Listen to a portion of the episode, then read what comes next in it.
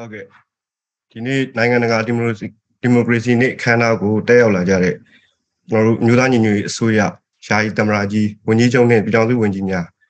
ပြည်ထောင်စုလွှတ်တော်ကိုစားပြုကော်မတီဥက္ကဋ္ဌနဲ့လွှတ်တော်ကိုယ်စားလှယ်များတခြားသောတက်ရောက်လာကြတဲ့နိုင်ငံတကာတန်တမန်များနဲ့ဧည့်သည်တော်များအားလုံးကိုမင်္ဂလာပါလို့နှုတ်ခွန်းဆက်သပါတယ်ကျွန်တော်ကတော့ဂျမ်မတ်ဆက်တက်ကိုနေဦးတော်လင်းအစမှာရင်ဆွန့်ခွာပြီးတော့ပြည်သူနဲ့အတူပူးပေါင်းပြီးတော့ဒီတော်လှန်ရေးကိုပါဝင်ဆင်နွှဲနေတဲ့လင်းထအောင်ပဲဖြစ်ပါတယ် ဒီနေ့ကတော့ကျွန်တော်တို့ပြည်သူ့ရင်ဝင် People Embrace ရဲ့တဝင်လာလေးကိုကျွန်တော်ကကိုစားဖတ်ကြားသွားမှာပဲဖြစ်ပါတယ်ပြည်သူ့ရင်ဝင် People Embrace နိုင်ငံတကာဒီမိုကရေစီနေ့ခမ်းနားသို့ပေးပို့သည့်တဝင်လာ2009ခုနှစ်တွင်ကမ္ဘာကုလသမဂ္ဂအဖွဲ့ကဒီမိုကရေစီမူဝါဒတန်ဖိုးများကိုမြင့်တင်ရန်ရည်ရွယ်ချက်ဖြင့်နိုင်ငံတကာဒီမိုကရေစီနေ့ဟုသတ်မှတ်ခဲ့ကြောင်းကိုမြန်မာစစ်တပ်ကိုစွန့်ခွာလာသူတူဦးနေဖြင့်2022ခုနှစ်မှာသာတေချာလေးလာသိရှိခွင့်ရခဲ့ပါတယ် မြန်မာစစ်တပ်သည်အထက်လူကြီးများအာဏာတည်မြဲရေးအတွက်အမိန့်လိုက်နာခြင်းကိုသာဦးစားပေးဆောင်ရွက်ရာတာမန်ရာရှိများနှင့်အောက်ခြေတပ်သားများအတွက်ဒီမိုကရေစီဟူသောဘောဟာရသည်အမတန်မှပင်အလန်းဝေးခဲ့ပါတယ်။တနည်းဆိုရလျင်စစ်တပ်၏ဝါဒဖြန့်သိမ်းသွင်းမှုများအောက်တွင်ဒီမိုကရေစီဟူသည်အမျိုးသားဒီမိုကရေစီအဖွဲ့ချုပ်တပါတီနဲ့သာဆက်ဆိုင်တဲ့ကဲ့သို့တပ်သားများကိုခံစားရစေခဲ့ပါလေ။ဒီမိုကရေစီနှင့်ပတ်သက်ဆက်နွယ်သောပြည်တွင်းပြည်ပအဖွဲ့အစည်းများလူပုဂ္ဂိုလ်များသည် တိုင်းပြည်ပဋိဉာဉ်ဖြစ်စေရန်အနောက်ဝါဒမိုင်းများကိုဖြန့်ချီရန်လှုံ့ဆော်နေခြင်းဖြစ်ကြောင်းဟုသာ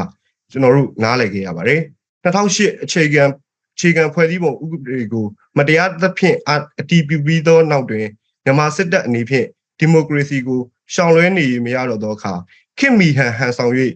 စီကံပြေးဝသောဒီမိုကရေစီနိုင်ငံတော်ဟူသည့်အသုံးနှုန်းကိုတွင်တွင်သုံးလာခဲ့ပါတယ်။တာမန်အရာရှိများတပ်သားများအနေဖြင့် ဒီမိုကရေစီနှင့်အလန်းနီးလာခြင်းမရှိဘဲခိုင်းတာလို့ကျွေးတာစားပြန်မပြောနဲ့အဆင့်ဖြင့်သာကျင်လည်ခဲ့ရပါတယ်။တက်တွင်းလူအခွင့်အရေးဆိုဒီကိုမမြင်ခဲ့ရတကူမမြင်ခဲ့ရတဲ့ကဲ့သို့အလိုမတူပဲခေါင်းစဉ်အမျိုးမျိုးတက်၍လာတာဖြတ်ခံရခြင်းများတာမန်ရရှိတပ်သားများ၏ဇနီးမယားများနေဖြင့်ထက်ရရှိကြော်များ၏ခိုင်းဘတ်တပွဲအစဉ်စဉ်ပြုမှုခံရခြင်းများတိုင်းရင်းသားလူမျိုးများဖြစ်ဖြစ်ခြင်း ဗုဒ္ဓဘာသာမဟုတ်သည့်အခြားဘာသာဝင်များဖြစ်ခြင်းနှင့်လိန်စိတ်ဖြစ်တည်မှုမတူကွဲပြားခြင်းတို့ကိုအခြေခံ၍အနိုင်ကျင့်ခံရခြင်းများစသည့်လူခွင့်ရေးချိုးဖောက်မှုများများစွာရှိခဲ့ပါတယ်။ယင်းတို့လူခွင့်ရေးချိုးဖောက်မှုများကြောင့်ဒီမိုကရေစီနှင့်အလှမ်းဝေးအလှမ်းဝေးခဲ့ရသောတပ်သားတို့ကိုယ်တိုင်လည်းအခြားပြည်သူတို့၏အခွင့်အရေးကိုအလေးထားခြင်းမရှိတော့ဘဲနိုင်ထက်စီးနှင်းပြုမှုခြင်းအကြမ်းဖက်ခြင်းကိုဆောင်ရွက်ချခဲ့သလိုဆောင်ရွက်လျက်လည်းရှိနေကြပါတယ်။ယင်းတို့ဒီမိုကရေစီကိုဒီဝေါ်တပွဲကြောက်စရာပုံသွင်း၍ပုံဖြတ်ခဲ့မှုတို့ကြောင့်တက်အတွင်းမှလူလူအများစုတို့သည်ဒီမိုကရေစီနိုင်ငံတော်တည်ဆောက်ရေးလမ်းကြောင်းတွင်ပါဝင်ခြင်းမရှိဘဲအနှောက်အယှက်ပင်ဖြစ်ခဲ့ရပါတယ်။ခင်မီ၍အမြင်ပွင့်လင်းလာသောပြည်သူတို့ကဒီမိုကရေစီစံနှုန်းများကိုရင်းနှီးကျွမ်းဝင်လာကြပြီးဒီမိုကရေစီနိုင်ငံတည်ဆောက်ရန်အခြေခံဖြစ်သည့်မိမိဆန္ဒလျောက်မဲပေးခြင်းဒီမိုပါဝင်လာနေကြတော့လေတက်တဲ့တက်ထဲနေသူများက မိမိတို့ကိုယ်တိုင်ပင်သတိမပြုမိပဲဒီမိုကရေစီနဲ့ဝေးရာအာဏာရှင်တည်မြဲရေးအတွက်အဖက်ဖက်မှအင်တိုက်အားတိုက်ပါဝင်ပေးခဲ့ကြပါတယ်။အာဏာဒီတနက်ဖျားမှလာသည်ဆိုသည့်ဆိုရိုးအရာပင်တနက်တစ်ခုတည်းသာအားကိုးစရာရှိသည့်စစ်တပ်အင်အားကြောင့်ပင်အလုံးအယုပ်ဆိုးအကြီးတန်းသောအာဏာသိမ်းမှုကြီးကို2021ခုနှစ်ဖေဖော်ဝါရီလ1ရက်နေ့တွင်ဖြစ်ပေါ်စေခဲ့ပါတယ်။ BC 900ကျော်ကပင်ဂရိနိုင်ငံတွင်ပုံစံတစ်မျိုးဖြင့်စတင်ပေါ်ထွန်းခဲ့သည့်ဒီမိုကရေစီသည်နှစ်ပေါင်း2500ကျော်ကြာသည့် 2022ခုနှစ်ရောက်သည့်အထိမြန်မာပြည်နှင့်အလှမ်းဝေးနေရသည်မှာလည်းရှင်းသားပွဲရပင်ဖြစ်ပါတယ်။သို့တော်လည်းအဖက်ဖက်ကဖိနှိပ်ထားသည့်စစ်တပ်အတွင်းပင်မိမိအပါအဝင်နောက်ပိုင်းနှစ်ပြားတွင်ဒီမိုကရေစီအဖူးအငုံများကိုရေးတေးတေးဖြင့်မြင်ခဲ့ရသူများကအာဏာသိမ်းပြီးချိန်မှစ၍တက်ကိုစွန့်ခွာလာကြသည်ကိုလည်းတွေ့မြင်နေရပါတယ်။မိမိကိုယ်တိုင်လည်းပြည်သူရင်ဝင်အပါအဝင်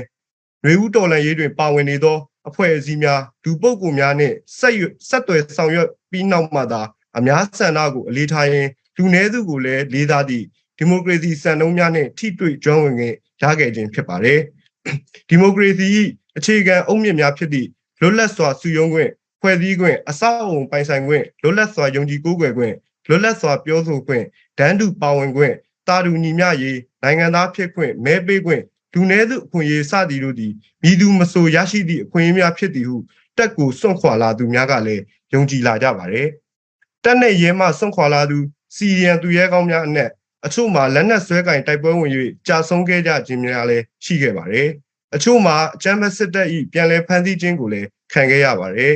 ၎င်းတို့၏ဆွန့်လွတ်ဆွန့်စားမှုများကိုလည်းယနေ့နိုင်ငံတကာဒီမိုကရေစီနှင့်အထိမ့်မှတ်ခမ်းနားတွင်ထပ်လောင်းဥညွတ်အလေးပြုပါရယ် ပြည်သူ့ရင်ဝင်အဖွဲ့အနေဖြင့်လည်းအဖွဲ့စတင်ဖွဲ့စည်းချိန်မှစ၍ယနေ့အထိတက်တွင်းမှဆွန့်ခွာလာသူများကိုကူညီစီစဉ်ပေးခြင်းဆွန့်ခွာလာသူများ၏နေထိုင်ရေးကျန်းမာရေးပညာရေးတို့အတွက်ကိုယ်သွမ်းညံစွမ်းရှိသည့်ထောက်ပံ့ကူညီခြင်းမျိုးသားညီညွတ်ရေးအစိုးရအောက်ရှိဌာနအသီးသီးနှင့်ပူးပေါင်း၍မူဝါဒဆိုင်ရာလုပ်ငန်းများအင်တိုက်အားတိုက်ဆောင်ရွက်ခဲ့ပါတယ်။ယနေ့အထိတက်နှင့်ရဲစွန့်ခွာသူများကိုပြည်သူ့ရင်ခွင်ကိုယ်ပိုင်ရန်ကုန်ရန်မုံငွေမှနှင့် အမျိုးသားညီညွတ်ရေးအစိုးရမှထပ်ဖြည့်ငွေများကိုဖြန့်ခွဲထောက်ပံ့ကူညီခဲ့ပြီး CDM ကုတ်ထုတ်ပေးခြင်းလုပ်ငန်းစဉ်များအပြင်ပညာရေးဆိုင်ရာအဖွဲ့အစည်းများနှင့်ချိတ်ဆက်၍လည်းတက်နှင့်ရဲ CDM များ၏မျိုးဆက်သစ်များအတွက်အတန်းပညာဆက်လက်သင်ကြားနိုင်ရေးကျန်းမာရေးဆိုင်ရာ online ဆေးကမ်းများလည်းဆောင်ရွက်ပေးနိုင်ခဲ့ပါတယ်။ယခုလပိုင်းများတွင်တမယိုးကြတက်တွင်းဆွန့်ခွာသူများလျော်နှဲလာတော့လဲတိုက်ပွဲဖြစ်ပွားနေသည့်အရက်ဒေတာများတွင် EAU များနှင့် ချိတ်ဆက်၍လက်နက်ချအလင်းဝင်သူများလည်းဆက်လက်ရှိနေသည်ကိုတွေ့မြင်ရပါတယ်။တက်တွင်းကြံရစ်နေသူများကိုဒီမိုကရေစီစံနှုန်းဟူသည်၎င်းတို့ယုံကြည်အားထားသည့်တက်မတော်ကိုဖျက်ဆီးမိအရာမဟုတ်ဘဲ၎င်းတို့၏လူနေမှုဘဝအနေအထားကိုပြောင်းလဲမြင့်တင်ပေးနိုင်သည့်တန်မိုးများဟုယုံကြည်လာသည်ရန်တိမ့်သွင်းနိုင်မှာကယခုထက်ပို၍တက်ကိုစွန့်ခွာလာခြင်းလာကြမည်ဟုလည်းပြည်သူရင်ဝင်အဖွဲ့အနေဖြင့်ယုံကြည်ပါတယ်။ရင်းယုံကြည်ရဲ့အရတက်ဆိုင်ရာအဖွဲ့အစည်းများနဲ့လည်း ဆက်လက်ပူးပေါင်းဆောင်ရွက်ရန်လည်းဆန္ဒရှိပါတယ်။ပြည်သူရင်ဝင်အဖွဲ့အနေဖြင့်အာဏာရှင်ဤပင်မတောက်တိုင်ဖြစ်သည့်အကြမ်းဖက်စစ်တပ်အင်အားယုံနေသည့်ရန်အဖက်ဖက်မှနီးမျိုးမျိုးဖြင့်ဆက်လက်လှုပ်ဆောင်သွားမည်ဖြစ်ပြီးဒီမိုကရေစီနိုင်ငံတော်တည်တည်ဆောက်ရေးတွင်တဒတ်တအားပါဝင်သွားမည်ဖြစ်ကြောင်းကတိပြုပြောကြားရင်းနိုင်ငံတကာဒီမိုကရေစီနေ့အတွက်ဤတဝင်လာကိုပေးပို့အပ်ပါသည်။ရေတော်ပုံအောင်ရမည်